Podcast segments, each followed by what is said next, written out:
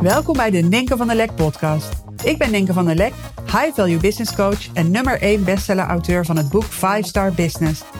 Ik help je om als ondernemer je inkomensplafond te doorbreken. Niet door harder te werken, maar wel door het kiezen voor de bovenkant van de markt. Hierdoor wordt je business weer simpel en krijg je een veel hogere omzet met nog maar een handjevol topklanten. Hey, wat leuk dat je luistert. In deze podcast ben ik in gesprek met private publisher en 5-star member Bianca Kroon. En Bianca, en het is heel bijzonder, die heeft een hele belangrijke rol gespeeld bij de totstandkoming van mijn boek 5-star Business. En wat zo leuk is, is na het redigeren van mijn manuscript besloot ze zelf ook de stap te maken naar high-value ondernemen.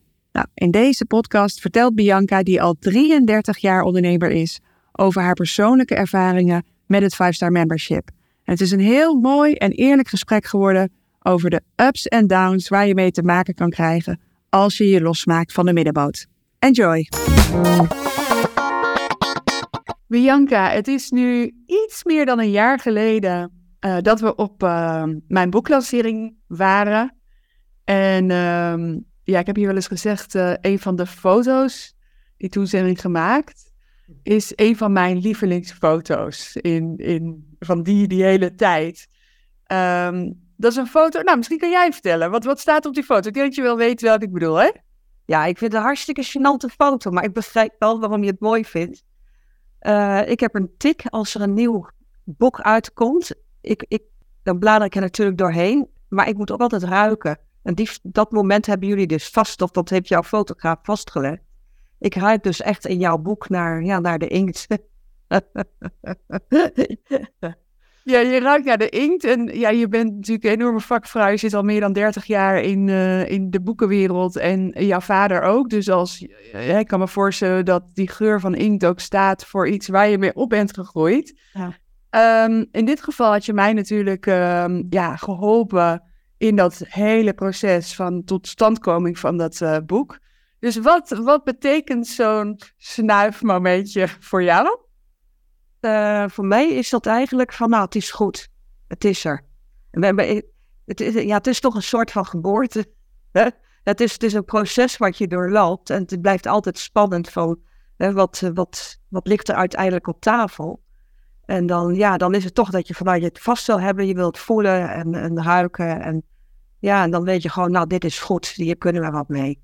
Ja. Is, dit, ja, het is gewoon een nieuwe wereldburger, een nieuw wereldboek. En dat, dat was ook zo. Nou, dat is wel bijzonder, want uh, kijk, uh, Wereldburger. Ik realiseerde me wel, dit was natuurlijk mijn eerste boek. Ja. Een boek, mijn boek zal er langer zijn dan ik zelf. Ja. Het is echt een hele bijzondere realisatie. Het ja. echt, gaat nog voorbij je eigen leven. Ja. En uh, de vraag is natuurlijk, ja, hoe actief wordt dat boek nog gebruikt en bekeken? En zijn mensen zich er nog bewust van? Uh, maar dat, de levensduur van een boek, dat vind ik zelf wel echt heel fascinerend, nu ik zelf auteur ben. Ja. Bianca, ik heb vanaf het eerste moment dat wij um, gingen samenwerken rondom de, mijn boek, straks gaan we het hebben over hoe ik jou heb geholpen in jouw high-value journey, maar we hebben elkaar geholpen. Um, ik had bij jou het idee dat jij vanaf het eerste moment dacht, dit is goed. Weet je, dat dat dus dat, dat ruiken aan dat boek, de, inkt snuiven, dat boek. Ja, ik, die foto, voor mij spat daar gewoon ook de liefde die jij dan hebt voor je vak. Die ik voelde, die jij had voor mij als auteur. Het geloof in mij. En ook de liefde voor het boek. Die spat voor mij ook van die foto af. Dus het staat voor mij wat voor meer dan alleen de inkt, moet ik zeggen. maar ik heb bij jou al het idee gehad dat je vanaf het eerste moment dacht van dit is goed ja, soms je, je komt mensen tegen en, uh, uh, ja, en je luistert wat ze te vertellen hebben. En, en kijk, echt waar, iedereen die heeft een verhaal. Maar juist als je iemand hebt die heel authentiek is, die, heel, uh, die van dingen die al bestaan, hè, want jij zegt zelf ook al, de boeken bestaan langer dan de mensen. Nou ja, jij spreekt ook wel eens over boeken die ik hier ook heb staan. Die bijna 100 jaar geleden, of meer dan 100 jaar geleden al uitgebracht zijn en nog steeds actueel zijn en heel veel gelezen worden. Um, maar weet je, de kunst is om van, van, van iets wat er al is, je eigen ding te maken. En ja, dat deed jij. Dus toen ik dat hoorde, ja, weet je, jij kan gewoon een boek schrijven. En niet alleen een boek schrijven om het boek schrijven, maar ook dat je er wat daadwerkelijk mee kan doen voor je business. Want dat, daar, daar richt ik me natuurlijk op. Ehm, dat dat niet alleen boek schrijven, dat is hartstikke mooi, maar uiteindelijk wil je dat het boek de wereld ingaat en jou meer zichtbaarheid geeft. Ja, en heb je, je zegt van ja, iedereen heeft een verhaal in zich. Kan, geloof je dan dat iedere ondernemer die, ze, die bij jou aanklopt uh, een bestseller kan creëren? Nee, dat is niet zo. Uh, ik ben wat dat betreft wel een beetje kieskeurig. um, ik, iemand die net start, daar kan ik niet zoveel mee. Ja, die kan ik wel verder helpen, maar niet, daar, daar wil ik geen traject in. Uh, omdat hun eigen authenticiteit zit er nog niet in. Of moet een uitzondering zijn. Maar over het algemeen, ik hou van de ziel in een boek. De ziel van de auteur moet in het boek zitten voor mij. Dan weet ik dat het goed is. En dat het geen, uh, ja, geen dagvlinder is. Ja. ja, mooi. Dus het gaat echt, ja, de ziel van de auteur moet in het boek zitten. En daarvoor is een bepaalde mate van authenticiteit ja, nodig. En je zou kunnen zeggen, ja, maar ieder mens is toch authentiek? Maar wat onderscheidt een authentieke of een ondernemer die authenticiteit in zich heeft van een ondernemer die dat niet of nog niet in zich heeft? Waar kan je dat dan aan zien? Nou, dat, dat is eigenlijk door te luisteren naar wat ze vertellen. Um, en ik, ik, ik, ja, ik kan het ook merken aan wat er op papier staat of wat ik lees hè, als iemand een manuscript aanlevert. Ik heb heel gauw in de gaten of iets bij die persoon hoort of niet. He, de, soms heb je mensen die, die geven een, een manuscript en dan hebben ze stukken hebben ze zelf geschreven. Nou, dat, dat is allemaal prima. En ineens dan denk je van hier, hier gebeurt iets. En dan blijkt gewoon dat ze delen van internet hebben geplukt of ergens anders vandaan. Dus als het verhaal niet zelf doorleefd is, maar wordt gekopieerd, dan is het voor mij niet echt authentiek meer. Iemand die moet het hebben uitgeprobeerd, die moet het hebben ervaren, want anders kun je er niet je eigen verhaal van maken. Maar dan kopieer je iets wat je bij een ander vandaan hebt. Ja. Nou, bij het lezen van mijn manuscript gebeurde er bij jou nog meer dan dat je ervan overtuigd was van ja, dit is een authentiek verhaal. Daar gaan we het straks nog even over hebben. Hm. Maar voordat wij um, samen aan de slag gingen uh, met mijn boek, ik denk dat het vijf, zes jaar geleden is dat wij elkaar ontmoeten op een borrel van jouw schoonzus en mijn vriendin. En uh, ja, zij had ons met elkaar contact gebracht. Hè? En um, ik was toen totaal niet bezig met het schrijven van een boek. Was helemaal niet mijn plan. Ik dacht niet dat dat mij ooit zou gebeuren of dat ik dat ooit zou gaan doen. Ja, we hebben daar gewoon heerlijke wijntjes ten drinken en uh, uh, gekletst. Ja. Over het ondernemerschap kan ik me nog herinneren. Ja, Um, hebben we daarna contact gehouden. En ik kan me herinneren dat je een paar keer bij mij op kantoor bent geweest. Waarvan ik van de eerste keer, weet je, het leek bijna. Het was niet zo dat jij uh, als een Jehovah getuige met een stapel boeken aankwam. Om mij te overtuigen. Maar jij zag het al in mij. Terwijl ik echt uh, ja, weerstand had tegen het idee van een boek moeten schrijven. Kan jij je nog herinneren wat er gebeurde tijdens dat eerste bezoekje van jou aan mijn kantoor? Ja, die was uh, heel helder. Hè. We hadden inderdaad die borrel van Marina. Uh, nou, wat doe jij dan en wat doe ik? En daar hebben we het over gehad. En toen op een gegeven moment had ik wel tegen jou gezegd van... joh, jij kan ook een boek schrijven. En nou ja, daar ging jij niet in mee. Nou ja, misschien wel, maar nee, dat zie ik helemaal niet zitten. En op een gegeven moment, uh, ik denk dat wij geëindigd zijn... dat je zegt, ik weet helemaal niet hoe dat in elkaar zit. En ik zei, nou, ik wil je geheel vrij blijven. Kom ik naar je toe en gaan we het er gewoon eens over hebben. Vertel ik het gewoon.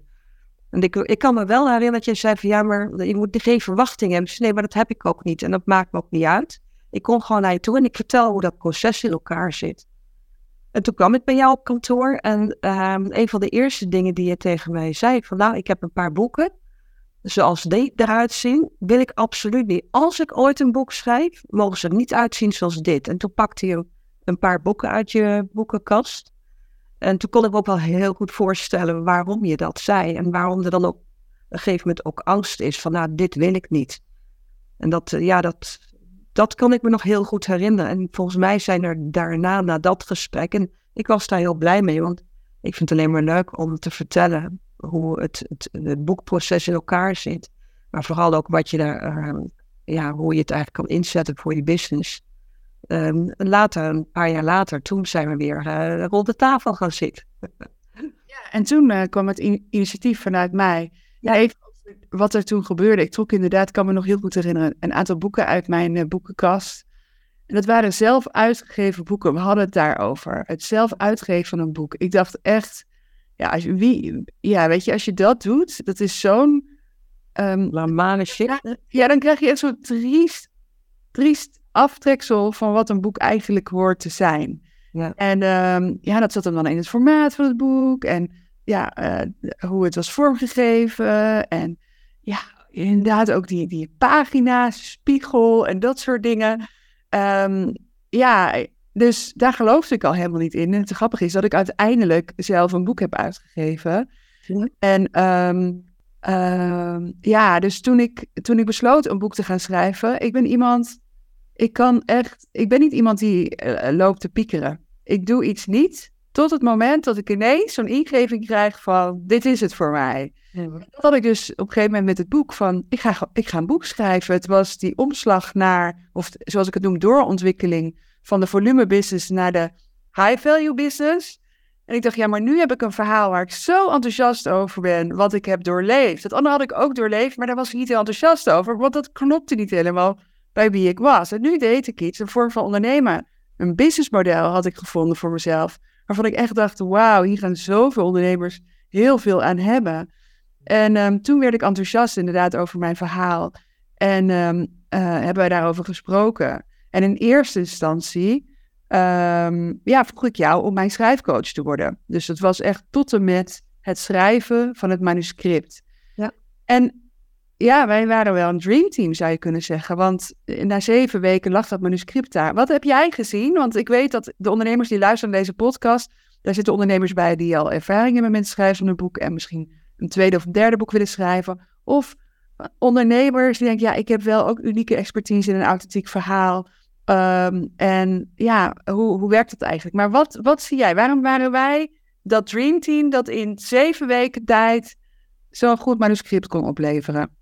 Moet ik even nadenken, want uh, wat, wat ik zie bij de meeste, bijna bij al mijn auteurs, uh, is dat ze heel erg gedreven zijn. Dat had jij zeker, of heb jij zeker ook, dat je heel erg gedreven bent om iets te doen. En je gaat voor kwaliteit. Dus, ehm, ehm, hoe heet het? Je moet even wat wegleggen zo. Je horloge gaat af. Ja. Heerlijke. Dus uh, volgens mij is, ja, hij is nu weg. Even Apple. Ja. ja. Ah, ik, had, ik had de vaste lijn weggelegd, maar goed. Uh, nou ja, jij bent, jij bent heel erg gedreven. En dat zie ik bij, veel, eigenlijk bij de meeste van mijn auteurs. Dat op, op het moment dat ze beslissen, ik ga het doen, dan gaan ze er ook voor. En uh, weet je, niemand hoeft voor mij alles opzij te gooien om dat boek te leggen. Dat kan echt wel in een effectieve tijd, uh, kan dat geschreven worden. En, uh, maar het leuke met jou was dat, ik geloof dat wij donderdag contact hadden, dat je dat boek ging schrijven, ja, en wel ideeën had. Maar je zou, maandag zou jij naar Ibiza gaan om daar schrijfmeters te maken.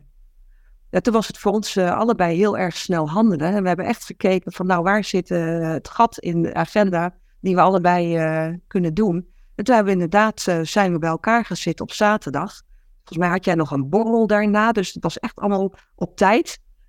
Maar het mooie is dat jij ook heel gedreven bent om dat te doen en ook het, beste wil en, en uh, het niet uh, laat afhangen van uh, wat ik, maar ook echt aan de slag gaat. Je, wat wij, we, we, spraken, toen jij op Ibiza zat, spraken we elkaar s'morgens en smiddags rond de uur of vijf of, of s avonds, ik weet niet precies meer, kreeg ik van jou gewoon het, het document, zodat ik dat nog kon doornemen voordat we elkaar weer spraken de volgende dag. Ja, dus dat was hartstikke fijn. Ja. Um, kijk, ik ben iemand die, wat ik net zei, ik ben heel intuïtief. Als ik voel dit is voor mij, dan ga ik direct handelen. Ja. Dan kan eigenlijk niks mij meer in de weg staan. Dus ik regel dan direct zo'n week Ibiza. Ik denk, oh, ik moet echt serieus begonnen zijn. Mhm. En ja, jij kwam ook meteen zaterdag mindmap gemaakt. En ja, eigenlijk de kapstok van dat boek. Uh, de eerste, eerste idee daarvoor samen uitgewerkt. En ik zei van, ik, en daar heb ik ook eerder al podcast over opgenomen. Ik hou heel erg van het hebben van een stok achter de deur. Ja. Ehm, en dat besteed ik heel graag uit. Ik besteed heel graag discipline uit. Dus ik ben super gedisciplineerd als ik dat wil hoor. Maar bij, bij mij werkt het dubbel zo goed als daar dan iemand ook meegaat in dat tempo. En dat vond ik heel erg fijn, dat jij mij in alles waar ik van voelde gaan, in niks heb jij mij afgeremd. Dus jij was op Ibiza elke ochtend om half negen online. Uh, mijn ideeën kon ik dan met je delen. En jij zei ook van, zorg ervoor dat je s'avonds voor negen uur aan me opstuurt wat je hebt gemaakt. En zo zat er zoveel vaart in. Hmm. En ja, ik had ook een idee over de standaard van het boek, inhoudelijk, maar ook hoe het eruit moest zien. En in alles zei je, ja, doen, tuurlijk, logisch. En dat maakt niet heel vaak mee. Heel vaak vormen mensen in mijn omgeving, uh, mensen die mij kennen, maar ook vaak mensen die mij nog niet zo goed kennen, een rem. Ja, dat hoeft toch allemaal niet zo snel. Waarom neem je daar geen, trek je daar geen tijd voor uit? En ik weet ook nog dat jij zei van ja, je hoeft niet je leven stil te leggen om een boek te gaan schrijven. En ja, in zeven weken dat manuscript. En in mijn, in mijn beleving is mijn leven ook gewoon doorgegaan. En heb ik inderdaad die week Ibiza gepakt. Heb ik natuurlijk heel serieus genomen. Maar uh, ja, toen trouwens op dag één of twee dacht ik al dat ik mijn boek zo goed als af had. En uh, ik ben best wel een snelle denker. En ik weet nog wat ik jou had gestuurd. Dat ik gewoon mijn hele complete boek geschreven in steekwoorden. Oh, ja. nu gaat er bij mij eens. Nu valt er bij mij een Orwell uit mijn oor. Dus we zijn lekker bezig. Maar uh, weet je, dus in steekwoorden. Dat is hoe ik denk, blijkbaar. Dat werd ook wel uh, duidelijk voor mij. Van, oh, grappig. Dat is hoe ik denk en dat is hoe ik zelf schrijf. En de rest komt wel, want dat vul ik in met mijn hoofd. Maar jij zei, ja, die denksprongen kan zo lezen natuurlijk helemaal niet maken. Dus je moet echt massa gaan creëren, zei je. En toen zei je, ga maar gewoon schrijven. Niet meer gewoon gaan typen. Niet meer overdenken. Gewoon gaan, verhalend. En ineens had ik hem te pakken en toen kon ik massa creëren. Ja. Dus, um, nou, uiteindelijk, uh, ja, krijg jij dat uh, manuscript te lezen.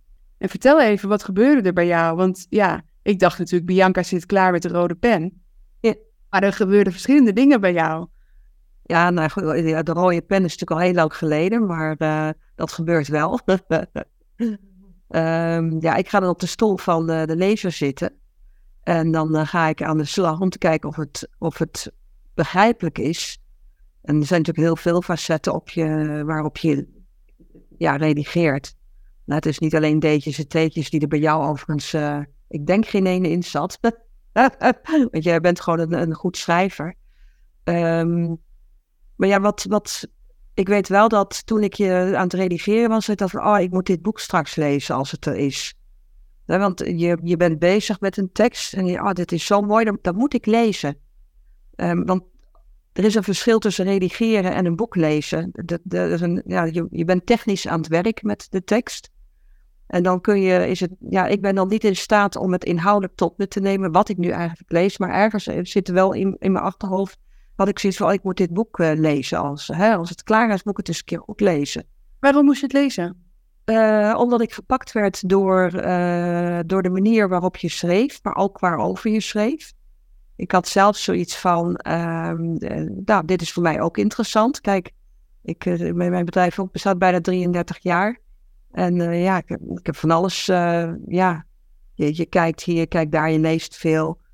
Maar ik had wel zoiets van, nou, dit vind ik ook interessant om te lezen. Kijken wat daar nog ja, uit te halen valt, wat ik daar nog van kan leren. En dat heb ik toen wel gedaan toen de redactie klaar was. Dat je op een gegeven moment echt zat te denken van, ja, je leest het. En, en ja, wat ik toen heb gedaan is, je hebt mij aangemeld voor de eerstvolgende mastermind bij jou. Ja dat heb ik toen wel gedaan. Dan had ik echt nou, dan moet ik eens even bij wezen. Want ik geloof hier dingen hoor die, uh, ja, waar ik, waar ik nou, heel veel plezier uit zal halen. En waar ik uh, ja, voor, mij, voor mijn business ook gewoon veel aan zal kunnen hebben. Ja, en ik denk dat je uh, toen geen idee had hoe blij je mij maakte met die aanmelding. Want ik wist. Ik, ik, wilde dat manuscript af hebben voordat wij ehm, twee weken naar Kaapstad zouden gaan. Hè? Mijn man en mijn kinderen en ik. En, uh, dat was in de kerstvakantie. Ja. uh, nou, voor de kerstvakantie, hij had ook gezegd, hè, van, uh, ja, je zei al in het begin van, in tien weken kun je je manuscript af hebben. Dacht ik, huh? Jeetje, nou ja, te gek. En oh, ik had nooit verwacht dat het zo snel zou kunnen zijn. En toen zag ik van, oh, daar zit die kerstvakantie tussen en we gaan naar Zuid-Afrika. Ik zei, dat zou ik hem eigenlijk dan wel af willen hebben. En toen zei hij ook van, let's go, dat kun jij. Ja. En dus ik was in Zuid-Afrika en ik wist dat het manuscript bij jou lag. En ik zie gewoon een aanmelding voor de mastermind binnenkomen van Bianca Kroon. Dus de eerste die het hele verhaal las, die meldde zich aan voor de mastermind. En dat was echt een magisch moment. Want ja, je hebt eigenlijk geen idee hè, wat een boek gaat doen voor je, voor je business. Maar ja, ik dacht echt, wauw. Dat, ja, dat vond ik echt heel erg bijzonder. Ja, dat is mooi. Ja, dus um, nou, daarna besloot je om ook door te gaan. Je bent ook een doorpakker. En uh, in het 5-star membership uh, te stappen. Dus uh, afgelopen jaar ehm, ja, ben je een van de 5-star members geweest. En heb je hele mooie stappen gezet. En hele moedige dingen gedaan in je business. En um, ik ben wel even benieuwd, hè, toen je dat manuscript las echt als ondernemer zijnde, dacht ik, hmm, interessant. Wat maakte, waar stond jij in jouw ondernemerschap, waar stond jij in jouw business, wat maakte dat die ideeën, die, die high-value ideeën, zoals ik nu dan even noem, uit dat boek, zo resoneerden? Oei, dan moet ik wel heel lang terugkijken, want er is natuurlijk heel veel gebeurd ook uh, sindsdien. Um...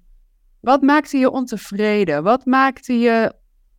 Ik, ja, ik had het gevoel dat ik ergens uh, steken liet vallen. Hey, ik, wil, ik heb een, natuurlijk een totaalpakket. Hey, ik help uh, de ondernemer help ik met het schrijven van het boek. Daarna is de productie en, en, en het drukken ervan. En daarna de marketing. Want ik vind ieder van die onderdelen is essentieel om een goed en verantwoord boek op de markt te zetten. Dat ook nog voor jou aan het werk gaat. Laat je een van die delen weg, dan gebeurt er niets. En in, in het geval dat als je de marketing weglaat, dan, dan ligt dat boek onder je bed te stoppen. Dus, eh, en ik had het gevoel van ik kan, ik kan meer betekenen. Ik kan er meer. Ik ben benieuwd dat ik nog meer kan bieden aan mijn, aan mijn auteurs.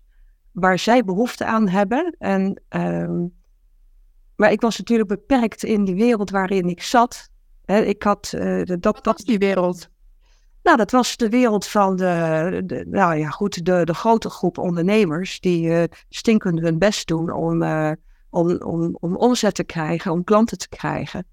En um, wat ik niet wist, uh, maar wat me wel triggerde, is dat er naast die groep grote ondernemers die het gewoon goed doen, er een groep is die het nog heel veel beter doet. En toen was ik wel een beetje nieuwsgierig van ja, wat, wat zijn dat dan voor ondernemers en wat hebben die dan nodig? En uh, ja, kan ik, kan ik daarheen schuiven? want ik, ik, ik, ik, heb, ik, heb, ik, heb, ik werk echt met hele fijne, mooie ondernemers die gewoon mooie producten hebben. Maar we moeten allemaal sappelen. Je moet allemaal kijken van hoe zit het? Uh, en of je gaat harder werken, dat je meer klanten krijgt. Waardoor je, nou, die waarschuwing heb ik zelf ook gehad dat ik op een gegeven moment op bed ben gaan liggen van, nou ja, kom maar halen. Ik denk dat ik een hartaanval heb. maar dat was ook in een jaar dat er gewoon heel veel mensen kwamen. En je, en je wilde allemaal helpen, ze allemaal mooie verhalen. En toen op een gegeven moment bij jouw boek, toen dacht ik van, er is een wereld daar waar ik nog geen stappen in heb gezet. En ik ben wel nieuwsgierig. Ja, en ik, ik had het idee toen, ehm, dat vul ik voor je in, dus vertel of ik het juist heb of niet. Maar dat je ook door onze samenwerking een beetje dacht van, oh, maar zo kan dat dus ook eruit zien. Hè? Dus ja, dat was. En, en wat, wat. Ik, nu was ik het in dit geval. Maar wat, wat was dan onderscheidend aan die, zeg, die premium klant of die toekomstige premium klant, waarvan je door het boek ook wist van, oh, dat bestaat en door onze samenwerking. Wat, wat, wat, zijn dan, hè, want je hebt nu later natuurlijk meer ervaring gekregen met premium klanten. Mhm. Je oefent hetzelfde vak uit. Je, je, hè, je kan je expertise de vollediging kwijt. En toch bedien je nu een andere groep en kun je andere prijzen vragen. Waar, wat is het verschil tussen die, nou wat ik dan zeg, mainstream of middenmoot of gemiddelde en die premium klant, die bovenkant van de markt? Wat ervaar je als verschil? Nou, ik heb nu uh, klanten die uh, heel bewust kiezen, dit is wat ik wil en er ook in geloven en er dus ook voor gaan. Ehm, maar omdat ik niet meer heel veel klanten heb, eh, heb ik ook de rust om ze alle aandacht te geven die ze willen. En die ze ook, ik vind, waar ze recht op hebben. Maar het zijn geen klanten die zeuren. Op het moment, uh, ze zijn geen. Um, uh, het zijn mensen die zelf ook al denken naar een oplossing. En, maar ze blijven, niet, ze blijven niet piepen of uh, dat ze gaan zitten afdingen. Die, die krijg ik overigens nog wel eens. Maar um, het zijn mensen die gewoon accepteren dat je dit waard bent. En daar ook heel, heel blij mee zijn. En dan, uh, ja, dat is gewoon superleuk werken. Dus ik werk ook met veel meer, ja, jij noemt het altijd ease. Ik werk met, ik merk, werk met veel meer gemak. Ik heb er ook tijd en rust voor.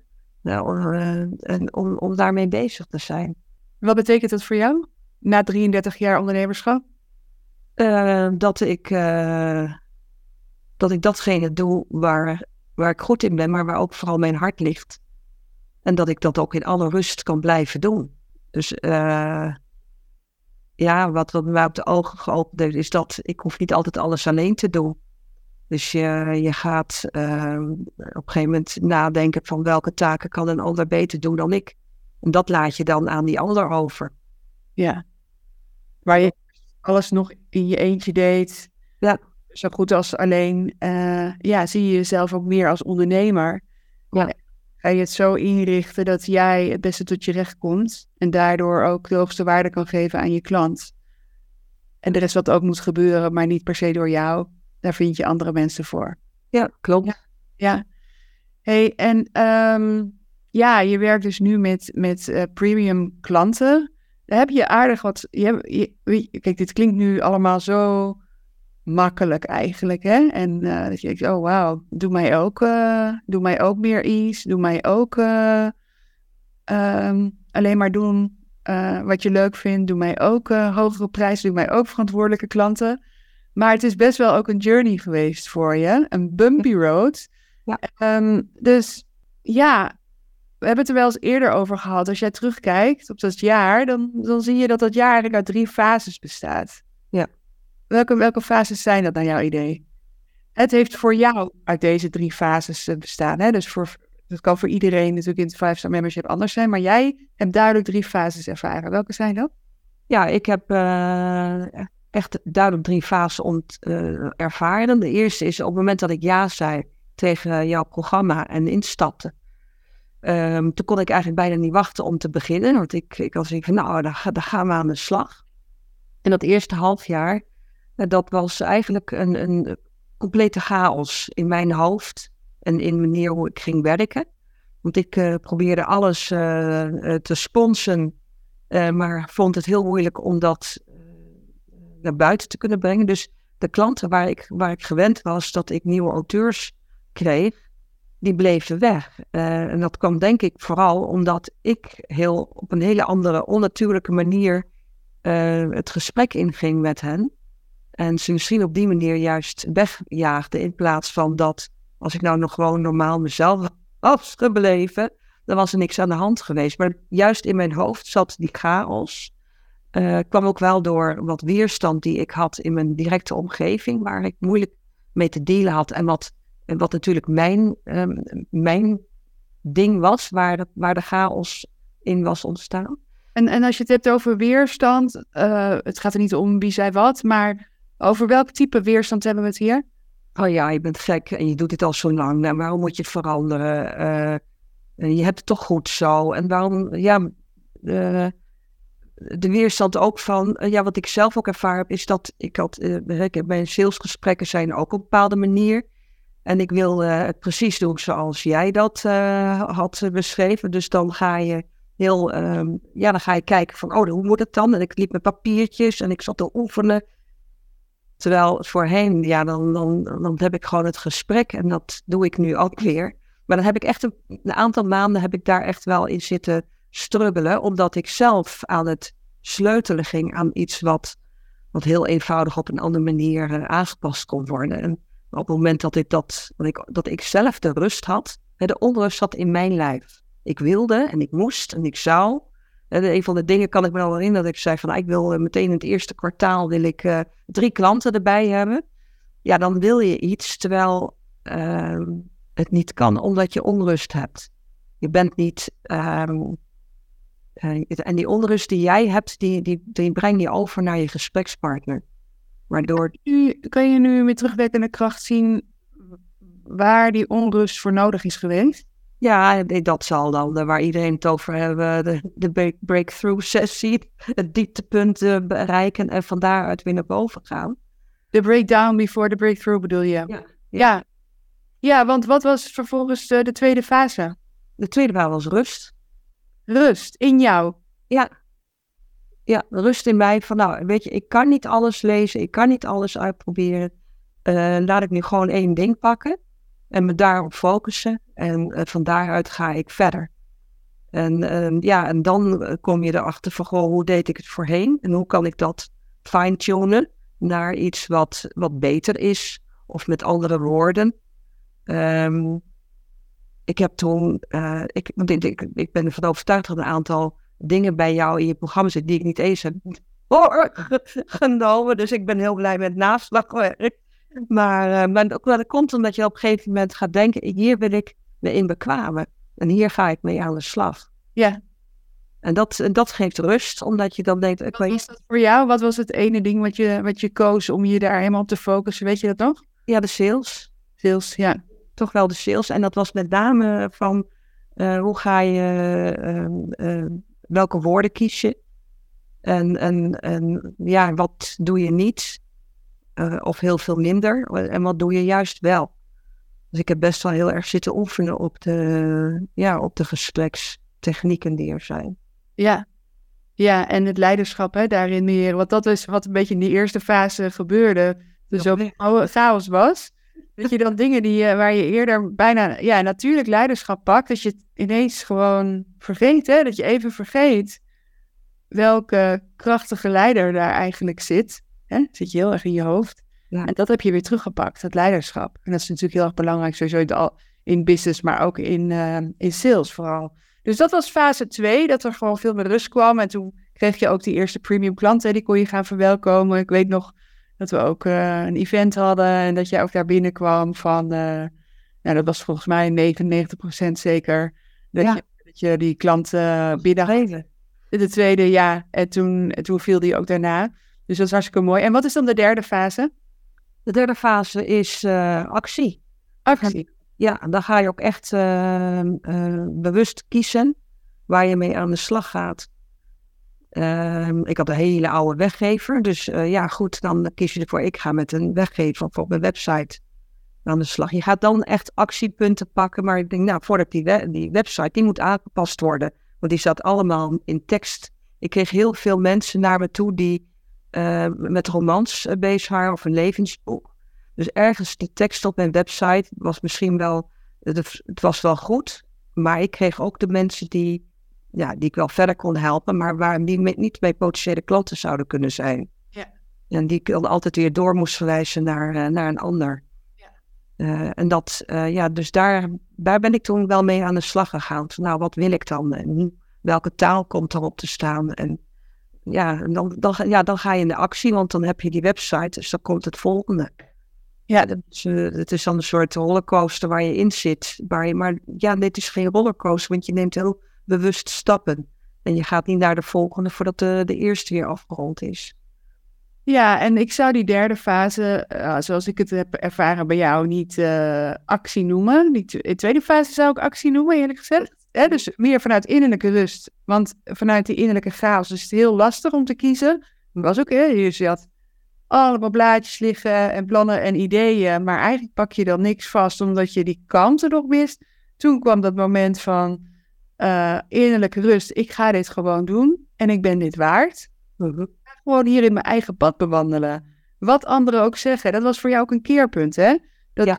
Ook met iemand dat je met iemand in gesprek was en dat je echt voelde van, ja, weerstand of niet. Ik ga dit doen. Ja, kan je, kan je ons daar iets nog over vertellen? Van, wat daarin, wat, er ging gewoon een knop om bij jou. Ja, ik, ik werd, uh, op een gegeven moment zat ik echt in een gesprek met eh, met de woorden van, ja, meld je nou af en, en je kan je toch terugtrekken en dan betaal je niet meer. En dus stop dan toch mee. En toen uh, dacht ik van, nee, als ik nu stop, de chaos zat bij mij in me, niet in het programma. Maar als ik nu stop, is alles voor niets geweest. En dan ben ik net zo ver als een half jaar daarvoor. En dan weet ik het nog niet. Wat ik kan, wat, wat ik kan bereiken, wat er kan gebeuren. Dus ik dacht van nee, ik doe het niet. Ik ga het afronden. En ik heb daar steun in nodig en geen weerstand. En toen is er inderdaad wat veranderd. vooral in mezelf. Want ik denk omdat ik op dat moment gewoon echt voor mij en mijn bedrijf koos om dit te gaan doen. En daarvoor dan probeer je nog een beetje te, te figureren van uh, ja, nou, ik hier luister, daar luister, nou nee, het komt wel goed. En weet je, dan, je kiest ook echt heel bewust van ik ga het gewoon afronden, punt. Ja. En uh, ja, en dan ga je. Ja, dus ja, dat was ook, en het was zo mooi zichtbaar ook in je energie. Ja. Weet je, dus ja, ik denk dat iedereen zich kan voorstellen. Iemand die al druk is in zijn hoofd en, al, en weet je, het overzicht uh, lastig, eh, lastig is om het overzicht te houden. En, en wat als eerste en steeds weer opnieuw eigenlijk. En ik denk dat het voor veel ondernemers herkenbaar is. Dit doen veel mensen. En we doen het en misschien eh, doe je het dan niet in je ondernemerschap, maar wel weer op het gebied van sport en voeding bijvoorbeeld. Weet je, het voornemen, alle ideeën, maar eigenlijk in cirkeltjes blijven draaien. En elke keer dezelfde gedachten stroomden over. En bij jou die fase 2 ging de knop om en het werd helder. Ja. En van denken ging je over in actie. En wat ik gezien heb in fase 3 is gewoon keihard commitment. Dus echt je tanden ergens inzetten en door.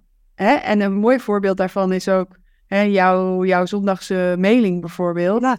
Hè? Daar ging je ook uh, ontzettend van aan. Op een gegeven moment heb ik tegen je gezegd van ben je klaar voor een challenge? Omdat ik ook gewoon, weet je, het verschil tussen iets willen en iets structureel doen, is het verschil tussen frustratie en resultaat. Ja. Als we iets willen, maar vervolgens daar geen of weinig actie aan verbinden, dan trek je jezelf eigenlijk alleen maar in de put. Dat is zo frustrerend. En ja, natuurlijk. Ik, ik denk dat elk, elke ondernemer in mijn traject heeft zo'n fase van, uh, weet je, je moet jezelf opnieuw uitvinden. Dit, ik, die prijs, dat is ook een symbool voor er gaan staan voor wat je waard bent, bereid zijn dingen te doen die anderen niet doen. En dus het gaat niet om de prijs zelf. En dat weet je, weet je, het is, ik ben niet de coach die zegt, oh, je moet sky high gaan. En de een die doet het echt ja, 5000 erbij, nog een keer 5000 erbij. En de ander gaat ineens van 20 naar 50, of uh, van, uh, van 2k naar 20k, van 20k naar 50k. Het gaat er niet om wat je kiest, maar dat je die in, bewe in beweging bent. En ja, als je iets wil en je verbindt er geen of weinig actie aan vast, is het, het, het verschil tussen wat je wil en wat je hebt, wordt steeds groter en ook pijnlijker. Het, je, je trekt jezelf naar beneden. Dus, en iedereen komt wel even in zo'n fase. Dat hoort bij het groeien. En ja, bij jou is de knop omgegaan en je complete energie veranderde. En wat ik ook zag, is dat je bijvoorbeeld in de coachingscalls ook anderen heel anders ging toespreken. Weet je wel? Ja, want jij wist, weet je, als iemand anders even vast zat, jij wist van dit is, dit is tijdelijk. Nou, het is tijdelijk en uh, pak door, ga het doen. En, uh, nou ja, en op een gegeven moment zag ik ook van, volgens mij mag het tempo omhoog in de speed of implementation, de, de snelheid waarmee je implementeert. Dat we ook afstappen van het idee, ik ga wat dingen doen, naar ik ga het structureel doen. Want bepaalde dingen in je business, als je die structureel doet, ja, dan gaat het gewoon enorm goed voor je werken. En kan je je nog herinneren dat moment dat ik zei, sta je open voor een challenge. Ja. Eén op één call die we hadden. Ja, ja. En dus, dus zij sta je op voor een challenge. En ik dacht, nee, oh god, nee, challenge. En ik dacht, ja, oké, nou wat voor challenge dan voor ik nog wel aan jou? En uh, toen zei ik, nou, ik wil dat je elke week een mail gaat sturen. Mijn, mailing, mijn mailinglijst staat al heel lang stil. Ik had voor het laatste verhuisbericht uh, gestuurd. Dat was uh, in maart 22 of zo. en ehm, en toen dacht ik, ja, ik ga het doen ook. Ik ga het doen. En uh, toen heb ik het inderdaad gedaan. Soms op zondagochtend om vijf uur hoor, dat ik dan nog gauw... Maar ik dacht, ik moet wel die mail eruit doen, want anders doorbreek ik eh, het ritme. En ja, en nu is het de kunst van, ja, wat, ga ik, wat kom ik allemaal tegen? En ik kom heel veel onderwerpen tegen waar ik over wil schrijven. En ik vind het ook heerlijk, ik ben zelf weer creatief aan het schrijven. Eigenlijk eh, ben ik er ook heel erg blij mee. Ben ik heel blij mee dat ik dat weer kan doen. Ja, ja, super. Hey, en hoe heb je mij als coach ervaren? Of hoe zou je, als iemand jou vraagt van, uh, uh, ja, hoe is als, als coach in het 5-star membership? Wat zou je dan zeggen? Uh, nou, je bent wel, je laat zien hoe het, hoe het is om met IS te werken. maar ik kan me een moment herinneren dat ik, nou ja, je verwacht veel van ons dat wij zelf actief aan de slag gaan. Maar ik kan me ook een moment herinneren dat ik echt helemaal in de put zat. En ik dacht van, ik, wie kan ik hier nou bellen? Toen heb ik puur ellende een mail naar jou gestuurd. En nog geen, uh, nog geen twee uur later hadden we elkaar aan de telefoon. Dat je zei van, uh, wanneer kun je bellen? En ja, toen was je er. En dat, dat ja, vond ik heel bijzonder. Want dat is ook waar je op dat moment je, dat, je, dat je dat nodig hebt. Dat even iemand zegt van, joh, denk rustig aan. Of denk normaal, of doe normaal. En, want er is niks aan de hand. Of, of adem even diep in en, eh, en reageer zo. Um, dus ik, ja, je bent betrokken. Ik vind je, ik, ik merk dat jij zelf uh, ook aan het groeien bent. Hè, ook in het proces dat we met elkaar hebben. Dat vind ik leuk, want dat betekent dat dat voor ons ook, of voor ons, voor mij dan ook, uh, dat dat ook een everlasting proces is. Vertel, wat heb je, wat heb je dan gezien? Uh, ja, wat heb ik gezien? Uh, nou, ik vond het bijvoorbeeld heel erg leuk dat we op een gegeven moment die naslagwerken kregen. Mm. Dat vond ik echt, uh, want ja, je, ik heb uh, mapjes met, met uitdraaien, dan had ik aantekeningen gemaakt en dat, lag dan weer ergens anders. En dan, had ik weer nieuwe uitdraai gemaakt en nieuwe aantekeningen. Ja, de naslagwerk, misschien zo even voor de luisteraars. Je liet hem net nog eventjes zien. Uh, ja, dat is een, ja, je zou kunnen zeggen, een hele mooie cassette, donkergroen. Ja, um, met ja, van het 5-star membership met mooie goudfolie letters erop. En maar de inhoud is vooral belangrijk. Met eigenlijk de belangrijkste high-value strategieën, uh, alle stappen helemaal mooi vormgegeven. Zodat je dat altijd te alle tijden erbij kan pakken. Ja, dat is gewoon heel prettig en heel fijn. Ja. En uh, ja, dat ligt, zit allemaal bij elkaar. En uh, ja, dus vandaar dat zijn wel een van de dingen. Maar ook bij de, ik vind de masterminds die je dan volgt die zijn ook altijd anders. Ook voor de deelnemers is het altijd weer leuk. Het is altijd weer thuiskomen, zeker als je elkaar dan tegenkomt. En uh, wat ik uh, ook van een van de dingen vond ik heel erg leuk, is dat op een gegeven moment we met een grote groep waren. En het had jij beslist van we gaan geen nieuwe mensen meer, of we geen andere bij. We blijven echt als deelnemersgroep. En dat was natuurlijk, ja, dat, dat zie ik ook als een stukje van het lerend vermogen wat, wat jij uh, hebt. Maar wat je ons ook laat zien. Um, en dat was gewoon een warme deken die, die, die dagen toen. Je hebt het over het Members Only event. Ja. Ja, ja en dat zijn we dus nu ook blijven doen. Hè? Dus uh, naast de, de Five Star Masterminds, dat zijn ook de Member Only events. En dat is uh, organiseren keer per jaar. Alleen voor de, ja, de premium klanten. Dus uh, de klanten uit het Five Star Membership en de private clients. En um, ja, dat vind ik zelf, is voor mezelf wel belangrijk geweest om te erkennen en daar gewoon heel transparant over te zijn dat ik ook een lerende leider ben. Zo, zo noem ik dat, de lerende leider. Naar mijn team, naar mijn klanten. Volgens mij praat ik daar ook vaker over tijdens mijn podcast. De echte feedback komt uit de praktijk. En te alle tijden probeer ik de hoogste waarde te leveren voor wat ik in dat moment kan doen en kan zien, weet je wel. En ondertussen groeien en heb ik ook de feedback uit bijvoorbeeld het 5-star membership nodig uh, om ja, tot nieuwe ideeën te komen. En ik merk ook, ja, als ik daar met jullie um, over praat, de 5-star members, maar misschien voel je dat ook wel als je deze podcast luistert, dat, dat brengt gewoon ontspanning. Hè? En ik heb ook wel eens uh, dingen gevraagd gewoon aan jullie van, nou, dit zit nou wel in het programma, maar is dit eigenlijk waardevol voor je? Of uh, wat, wat, wat, vind je van deze vorm? En ik kan het allemaal zelf bedenken. Uh, maar het gaat er ook om, ik vind het gewoon heel erg belangrijk dat mensen lekker in het traject zitten. En iedereen heeft fases met weerstand. En kijk, ik ben dan een coach en ik zie, ik heb vertrouwen in jou, anders zou je ook niet in het 5-star membership zitten. En daarnaast heb ik natuurlijk nog als, met jou gewerkt als auteur zijnde. Hè? Dus ik vertelde in het begin, In het begin had ik jou gewoon gevraagd om mijn schrijfcoach te zijn, maar uiteindelijk heb je tot en met de laatste snik en de laatste snuif heb, je, heb je me geholpen in dat, uh, in dat proces. En, en nog steeds eigenlijk ook met het uh, met, uh, vervolgdruk bestellen en dat soort dingen.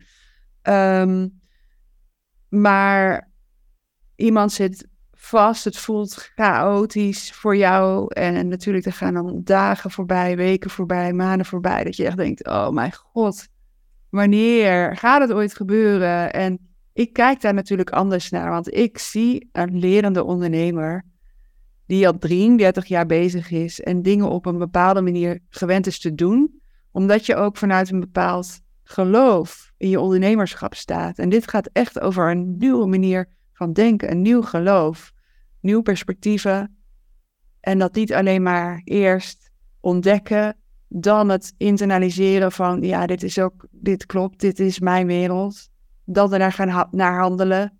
En dan de positieve resultaten kunnen gaan oogsten. En die positieve resultaten die zijn altijd ook omgeven met negatieve ervaringen. Of negatief, het klinkt zo negatief alsof ze er niet mogen zijn, maar tegenvallers.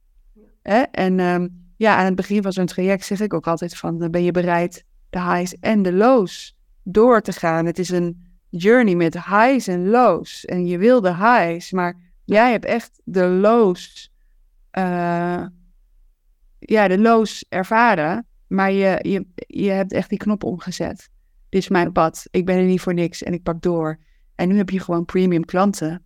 En in jouw vak Weet je, de gemiddelde schrijfcoach. En je bent natuurlijk veel meer dan een schrijfcoach. Maar zo zag ik jou eerst wel. Ja. Schrijfcoach. En de gemiddelde schrijfcoach heeft geen premium klanten. En jij hebt deze doorbraak gemaakt. Wat betekent dat voor jou? Wat is het belangrijkste? Uh, het belangrijkste is dat ik hierdoor in staat ben om gewoon echt hele mooie boeken op de markt te brengen. Samen met, met, met auteurs die iets goeds kunnen betekenen voor, voor de wereld. vaak hebben ze een, hele goede dienst of visie die ze willen uitstralen. En ehm, ik kan het in alle rust doen. Ik, ik hoef niet met ene gesprek en dan altijd denken van goh, wie is de volgende met wie ik ga praten. Dat is, niet, dat is gewoon niet nodig. Kijk, ik, ik hoef. Uh, je, je, kan zelf je maatstaf doen van wat, wat, je, wat voor omzet je wil hebben. Um, ik ben op een leeftijd, ik hoef niet meer de top te hebben, maar ik vind het wel leuk om met uh, mooie klanten aan de slag te gaan. En uh, te zorgen dat hun boek ook echt een bestseller wordt, uh, wat ze dan ook onder het woord bestseller verstaan. En dat, dat, ja, die, dat, die mindset, die heb ik nu wel. Ja, en wat zijn hierin de drie waardevolste inzichten, learnings geweest uit het jaar in het 5-star membership die je graag nog met de luisteraars zou willen delen? Nou, stel je voor, je luistert dit en je, je weet ook van, ik heb, ik heb echt hele waardevolle expertise. Ik kan klanten goed helpen, die ervaring heb ik al, maar ik zit vast. Uh, mijn klanten die, wat, hè, jij zei net van, die, die, of die klagen, nemen te weinig verantwoordelijkheid, of hun dromen zijn niet groot genoeg, of ze, ze zeuren om geld. Uh, je bent te druk, je voelt dat je daarin vastzit. En je weet van, wow, dit is, dit is blijkbaar mogelijk. Ik luister naar deze podcast. Wat zijn nou drie hele belangrijke learnings of inzichten waarvan je denkt, het is belangrijk voor jou om dit te weten. Dit is wat ik heb geleerd, waardoor ik die doorbraak heb kunnen maken. Nou, de eerste is wel dat, dat er een wereld is ver buiten jouw eigen zichtsveld. Er is veel meer. En tweede inzicht is dat er uh, mensen zijn met wie je heel vrij en, en, en fijn kunt sparren over je grootste dromen. Die hoef je niet te verdedigen. Je kan gewoon eh, vrijuit denken en, en dingen roepen. En er is niemand die tegen je zegt van, joh, ben je helemaal gek, dat kan helemaal niet. Maar dan, dan gaan ze meedenken. En, en... Die mensen heb je in het 5-star membership? Ja, ja, ja, dat is echt, uh, dat vond ik ook, dat is een warme deken. Niemand kijkt gek op als jij iets roept. En de, ja, de laatste inzicht die ik ook echt wel heb, is van, dus wel een bevestiging. Ik, ik heb toen na mijn scheiding wel geroepen van alles wat ik aanraak wordt goud. Maar je mindset, uh, is echt een heel belangrijk onderdeel in, in het proces van hoe denk jij over jezelf en, en wat je doet. En als je dat niet op orde hebt, dan kun je heel veel willen, maar dan kom je er niet. En dat is ook een inzicht die ik wel, uh, wel ja, waar ik wel meegekregen heb. Dan, ja. Dankjewel, Bianca. Jij bedankt. Voor al jouw hulp bij ja, het, de totstandkoming van mijn mooie boek, waar ik nog steeds heel trots op ben. En waar we heel veel mensen ja, mee inspireren en in beweging krijgen. Ja. En dank je wel ook voor het delen van jouw ervaringen en belangrijke lessen uit het jaar 5-star membership. Um, ja, wil je meer uh, weten over Bianca? Kijk bij de show notes uh, bij deze podcast. Uh, daar zal ik haar website noemen. En ja, daar kun je dus ook die nieuwe weggever aanvragen waar je het over had. Ja, dankjewel Bianca. En dat je nog maar ja, heel veel mooie bestsellers ter wereld mag brengen. Samen met premium auteurs. Dankjewel. Tot gauw, hè?